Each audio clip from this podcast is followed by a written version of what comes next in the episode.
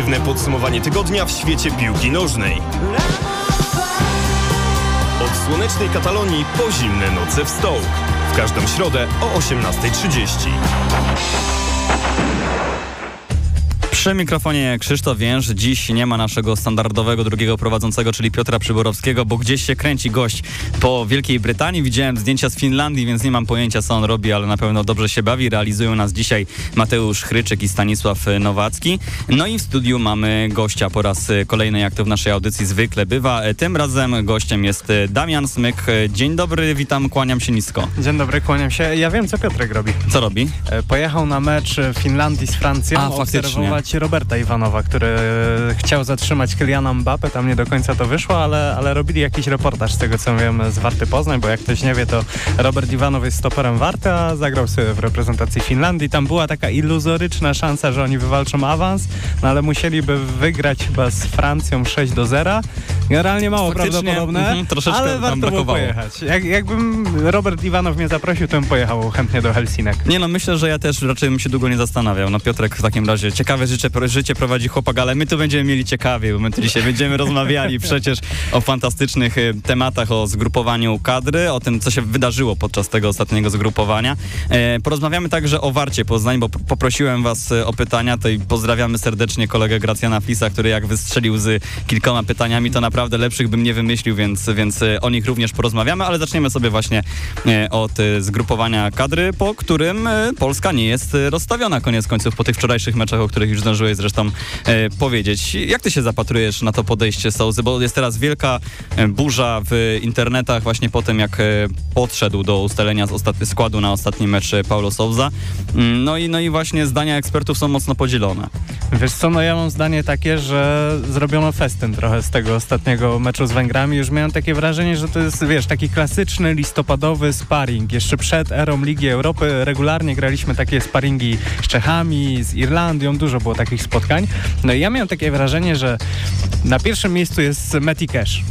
To ile, ile... Na pewno, na pewno wśród dziennikarzy. Tak, ile jego babcia przepłynęła na statku, jak mama mówi po polsku, ile słów zna Cash, czy zaśpiewa hymn. Wszystko nas interesowało, ale nie mecz z Węgrami. A ten mecz z Węgrami był piekielnie ważny, bo dawał nam rozstawienie. Remis dawał nam rozstawienie na 99,9%. Z- Zaczekaj, rozstawienie, bo to słowo się przewijało wiele razy w Tak. mediach, a mało było razy wytłumaczone. Tak dla słuchaczy, którzy może nie są zorientowani E, króciutko, bara- czym jest. Baraże wyglądają tak, że mamy e, pięć drużyn, e, sześć drużyn rozstawionych i sześć drużyn nierozstawionych. E, dwie, z pięciu grup wchodzą dwie najlepsze drużyny do baraży.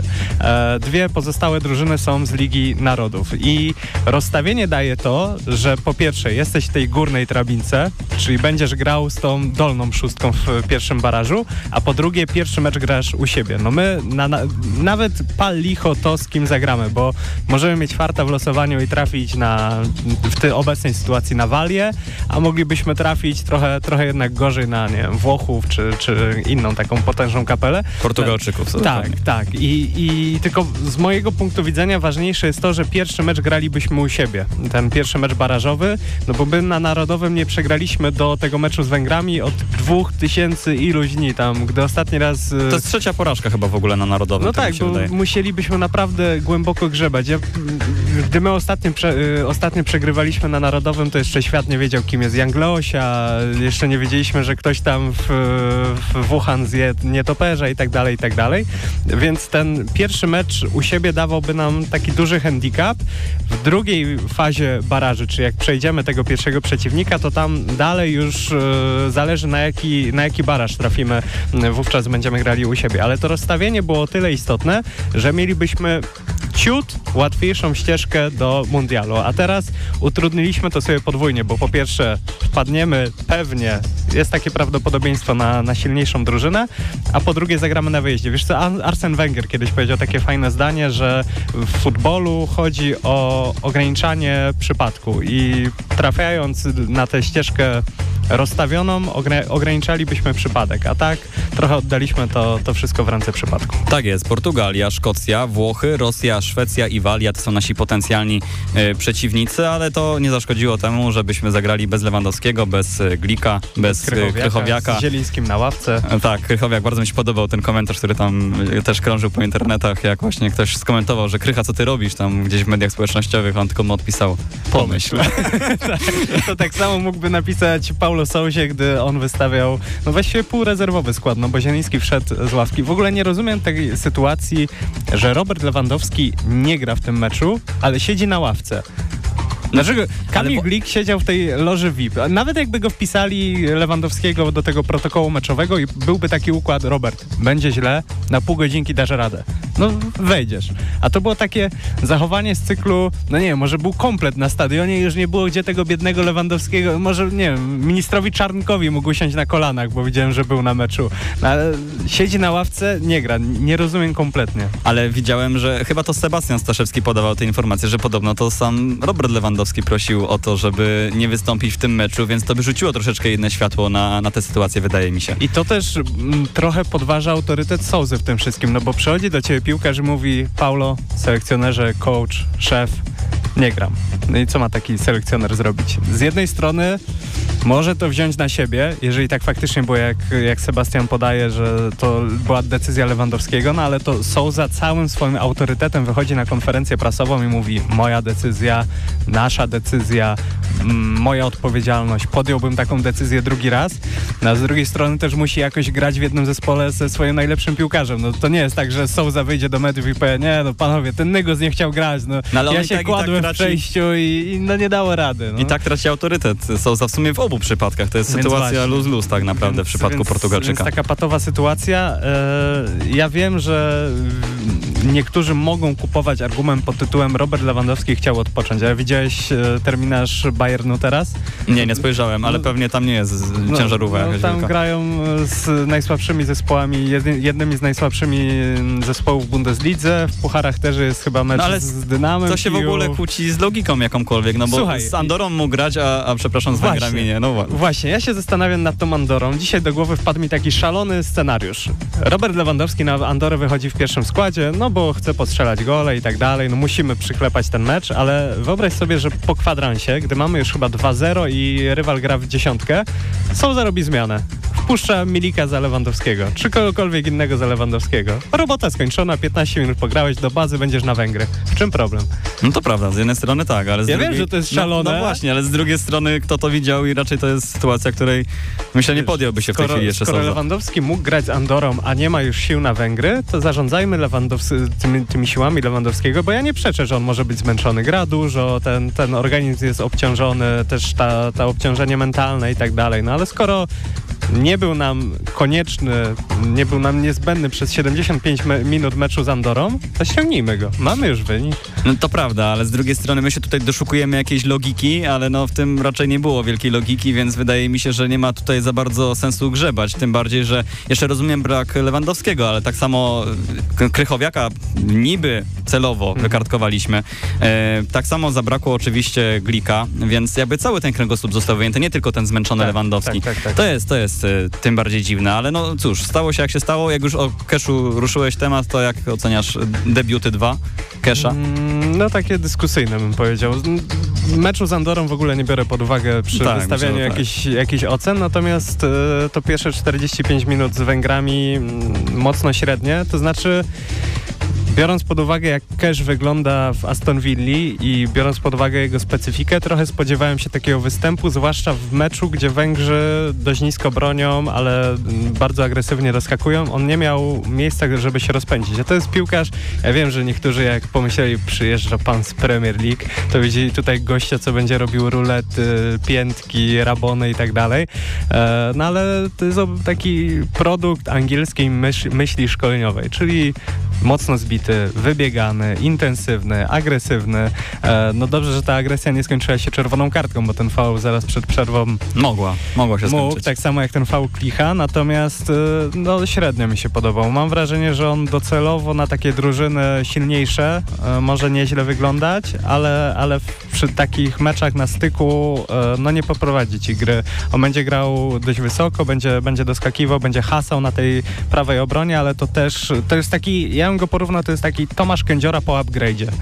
Podobna, No, bardzo podobna odważnie. specyfika, Bardzo podobna odważnie. specyfika, ale lepszy. W każdym aspekcie lepszy, ale specyfika podobna. Może i tak. Jak mawia prezes Boniek, spokojnie. W przypadku myślę, że jeszcze się doczekamy lepszych występów. E, Domykając ten wątek, bilans Souzy do tej pory to, są, e, to jest sześć wygranych, dwie z Andorą, dwie z Albanią i dwie z San Marino. Do tego dołóżmy remisy z Hiszpanią, Anglią i Węgrami. Lepiej to troszeczkę wygląda, ale wciąż nie urywa. E, Jak ci się wydaje? Czy jeśli nie, udaje na, nie uda nam się awansować na Mistrzostwa Świata, to czy powinniśmy już stanowczo powiedzieć Souzie dziękujemy, do widzenia, czy siwy Bajerant dalej tam będzie e, kręcił? Bo widziałem, że pan Cezary Kulesza już tam swoje się też również wypowiedział w tym temacie. No, Wiesz, PZPN stracił kupę pieniędzy na tym, że baraż nie będzie grany u nas, bo to jest e, między 10 a 15 milionami złotych brak meczu u siebie, bo to Aż tyle? mówimy Nie- o nie- takich nie przychodach. pomyślałem o no tym tak, w ogóle. Masz wszystkie rozliczenia sponsorskie, masz bilety, to jest kupa pieniędzy i, i w PZPN-ie podobno się dość mocno zagrzali i tam niektórzy tacy podpowiadaczy kuleszy mówili, nie, no jak nam tyle pieniędzy zawalił, to won.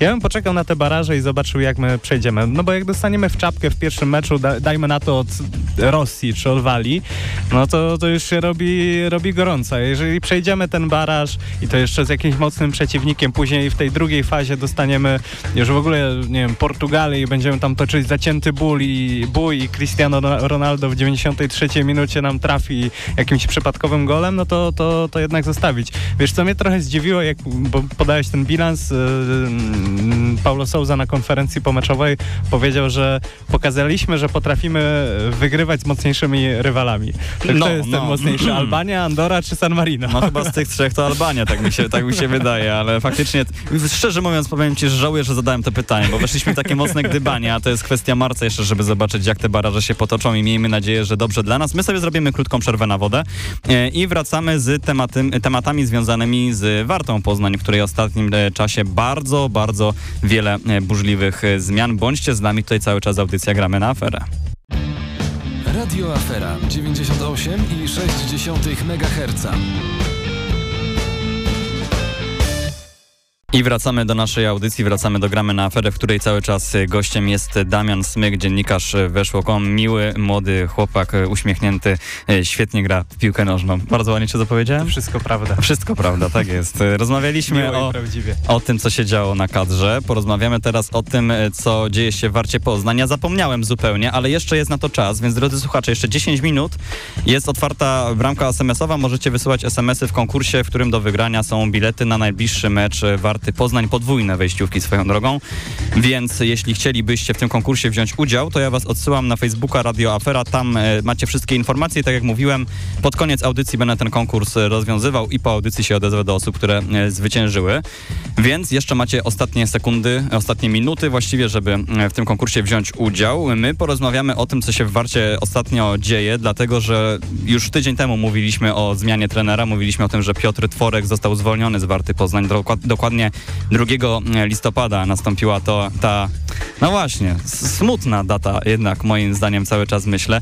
E, I tutaj nasuwa się pytania, dlaczego, e, dlaczego zwolniono Piotra Tworka, który w zeszłym sezonie zdecydowanie zrobił wynik ponad stan. E, No i teraz przyszedł ten pierwszy kryzys, poważny, naprawdę poważny kryzys z drużyną, z którego nie pozwolono mu wyjść. Mhm. No, z jednej strony tak, tylko przedstawię Ci stanowisko Warty Poznań, bo, bo trochę rozmawiałem w klubie, mieliśmy takie półformalne spotkanie przy kawce. Dlatego tu E, jesteś, widzisz, no właśnie tak miało to, to wyglądać. I, i Warta postawiła sprawę jasno. Yy, popatrzyła tak na nas, ludzie z Warty popatrzyli, pokażcie jeden klub w Europie, gdzie trener nie wygrywa 10 meczów z rzędu i nadal ma pracę. I co gorsza, yy, pokażcie taki klub, gdzie daje się zaufanie trenerowi i mówi się, nie no Piotrek, spadniemy z tobą, to, to będzie wszystko ok, nic się nie stanie. Musiałem sprawdzić, ile Daniel Farke przegrał meczów e, w Norwich. Tak, tak. Tam no. tego się dużo nakulało. On też chyba stracił pracę, On teraz zleciał ostatnio, tak, tak. Tam, tam poszedł Dean Smith, Dean Smith akurat, ale, ale wcześniej też dużo przegrywał.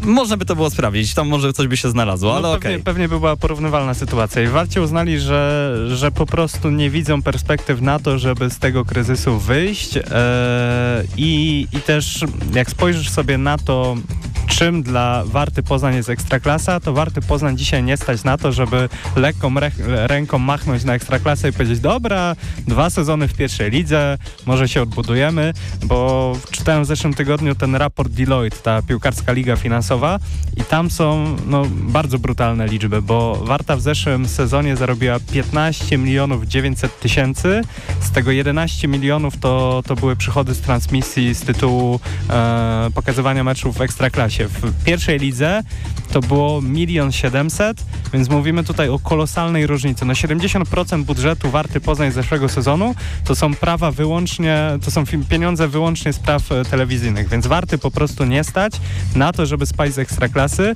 i Warta uznała, że coś trzeba zrobić. Nie jest to ruch na zasadzie Kurczakowi obcięto głowę i on jeszcze biega tam kwadrans, bo ja tak potraktowałbym to taką zmianę dla zmiany, gdyby za czworka przyszedł trener, dajmy na to Ryszard Tarasiewicz albo Leszek Ojrzyński. Czyli bierzemy jakiegoś strażaka i mówimy, dobra, weź powiedz im tam wiadomo co w górę, jedziemy, panowie, walka, ślizgi i tak dalej.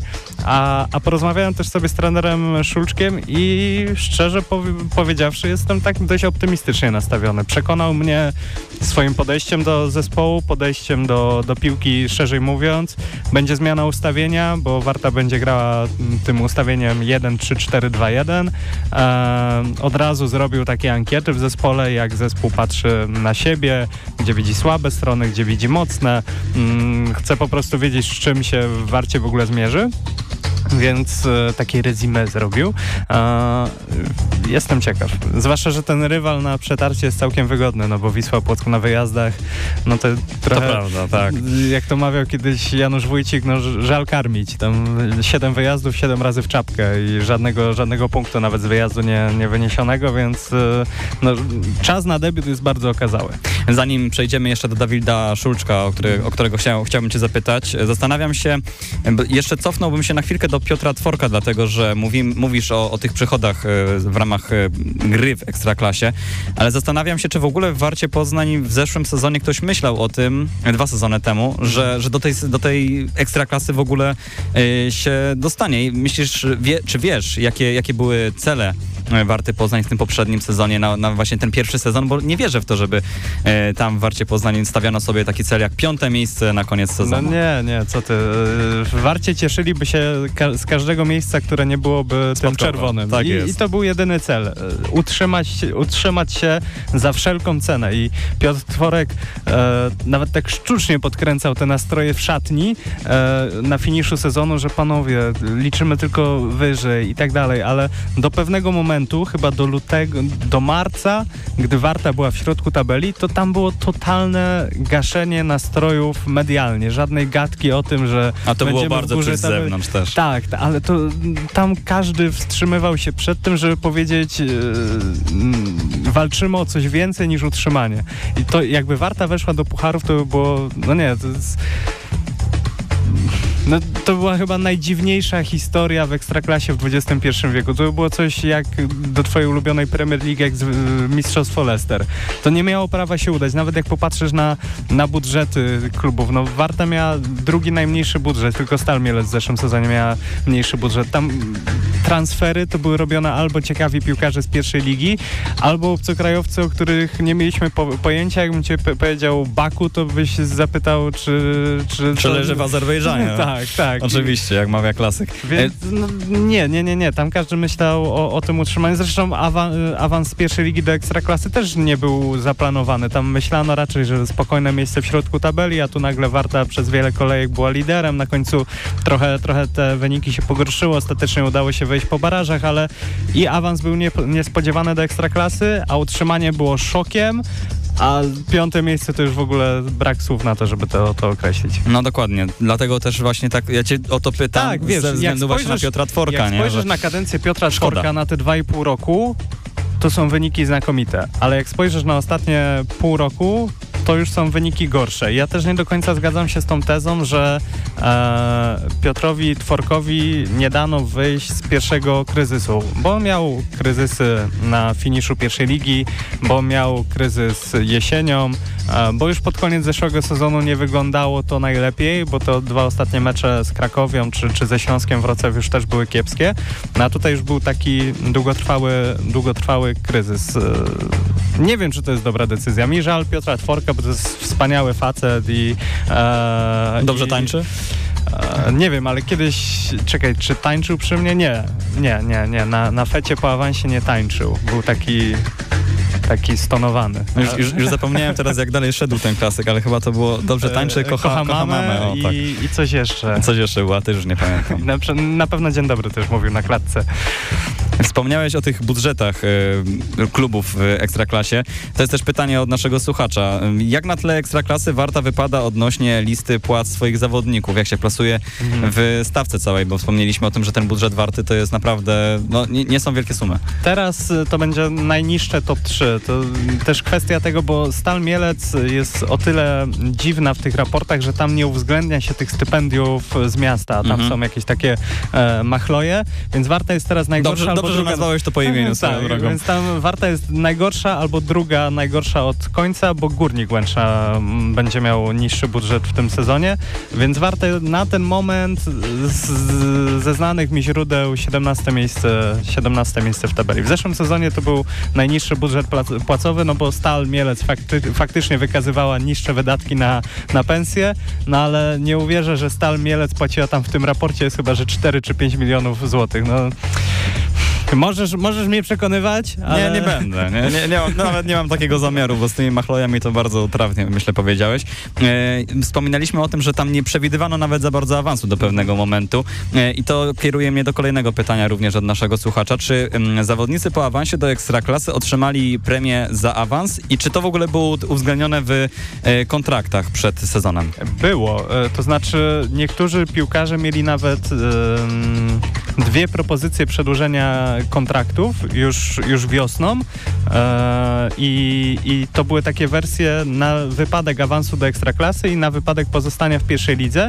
Łukasz Trałka chyba nawet miał e, kontrakt tak skonstruowany, że po spadku to znaczy miał dwie wersje, na spadek i na awans do Ekstraklasy. Wszystko tam przewidziałem. Tak, więc, więc tak, no dostali, e, dostali te premie. W ogóle tam temat jest o tyle, o tyle ciekawy, bo przy zwolnieniu Tworka pojawiła się też taka teza, że o, mm, piłkarze przestali grać, bo w warcie się nie płaci. I mówię, no dobra, to trzeba sprawdzić, ale tam z pensjami jest, jest wszystko na czas, więc e, popytałem tu i tam i, i, i, i jeśli chodzi o, o, o, o Bogusław Leśnodorski zawsze mówił cash flow, to ten cash flow jest.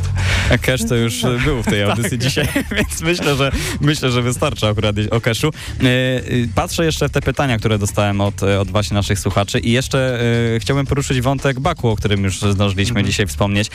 Pojawia się pytanie, dlaczego Warta nie wyłożyła, tu jest sformułowanie, nie aż tak wielkich pieniędzy, chociaż wydaje mi się, że mm, to jednak były wielkie pieniądze, jeśli chodzi o Wartę Poznań, żeby zatrzymać tego zawodnika, który teraz się okazuje stanowił, znaczy wiedzieliśmy o tym już wcześniej, ale teraz to jest uwydatnione bardzo mocno, że był główną jakością w ofensywie tego zespołu.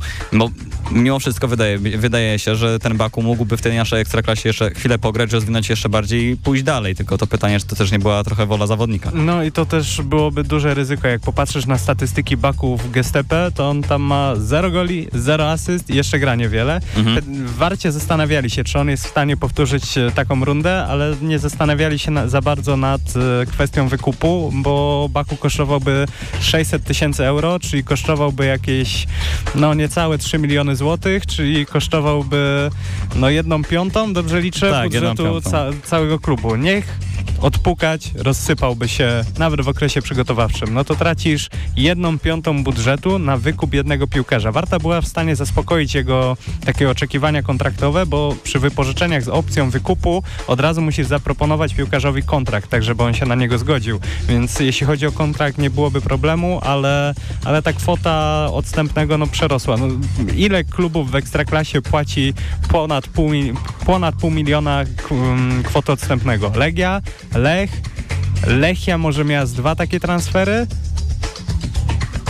Może Raków. No Raków tak, bo za Wladana Kowacewicza sporo wyłożyli. Nie, ale myślę, że to przede wszystkim byłby nieodpowiedzialny ruch No tak, finansowo. no to biorąc pod uwagę, jak budowana jest Warta, to ja bym się zdziwił, jak oni by na kogoś wydali 150 tysięcy euro, a mówiąc o, o kwocie czterokrotnie wyższej, to zero szans.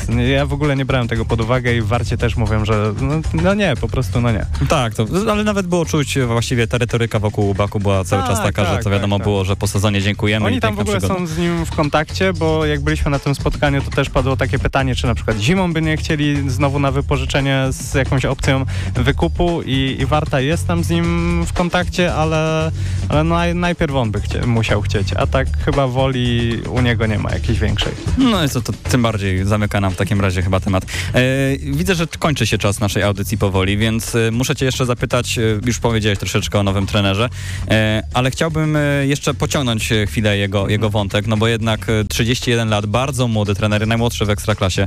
E, W Wigrach Suwałki, popraw mnie, jeśli się mylę, ale chyba trochę ponad rok, prawda? E, tam, e, tam trenował.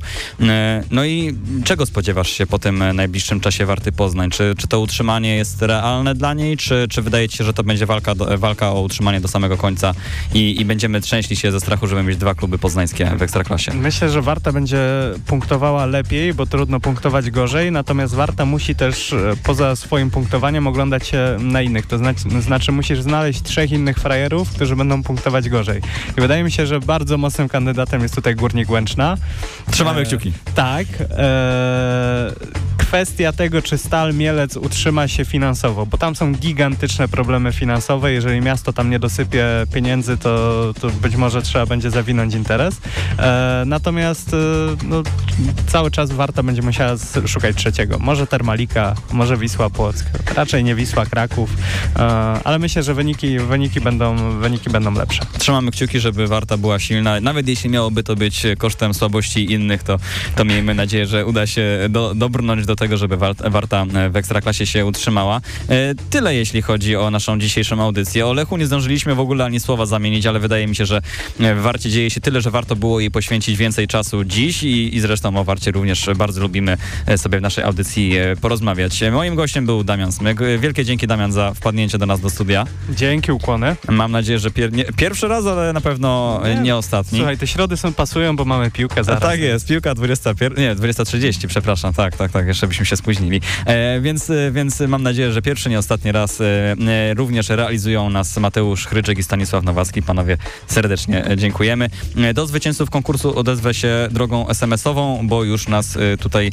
e, chcą aferytmowicze wypędzić z, ze studia. Wielkie dzięki za dziś, do usłyszenia. Jara! Gramy na aferę! Subiektywne podsumowanie tygodnia w świecie piłki nożnej. Słonecznej Katalonii po zimne noce w Stołk. W każdą środę o 18.30.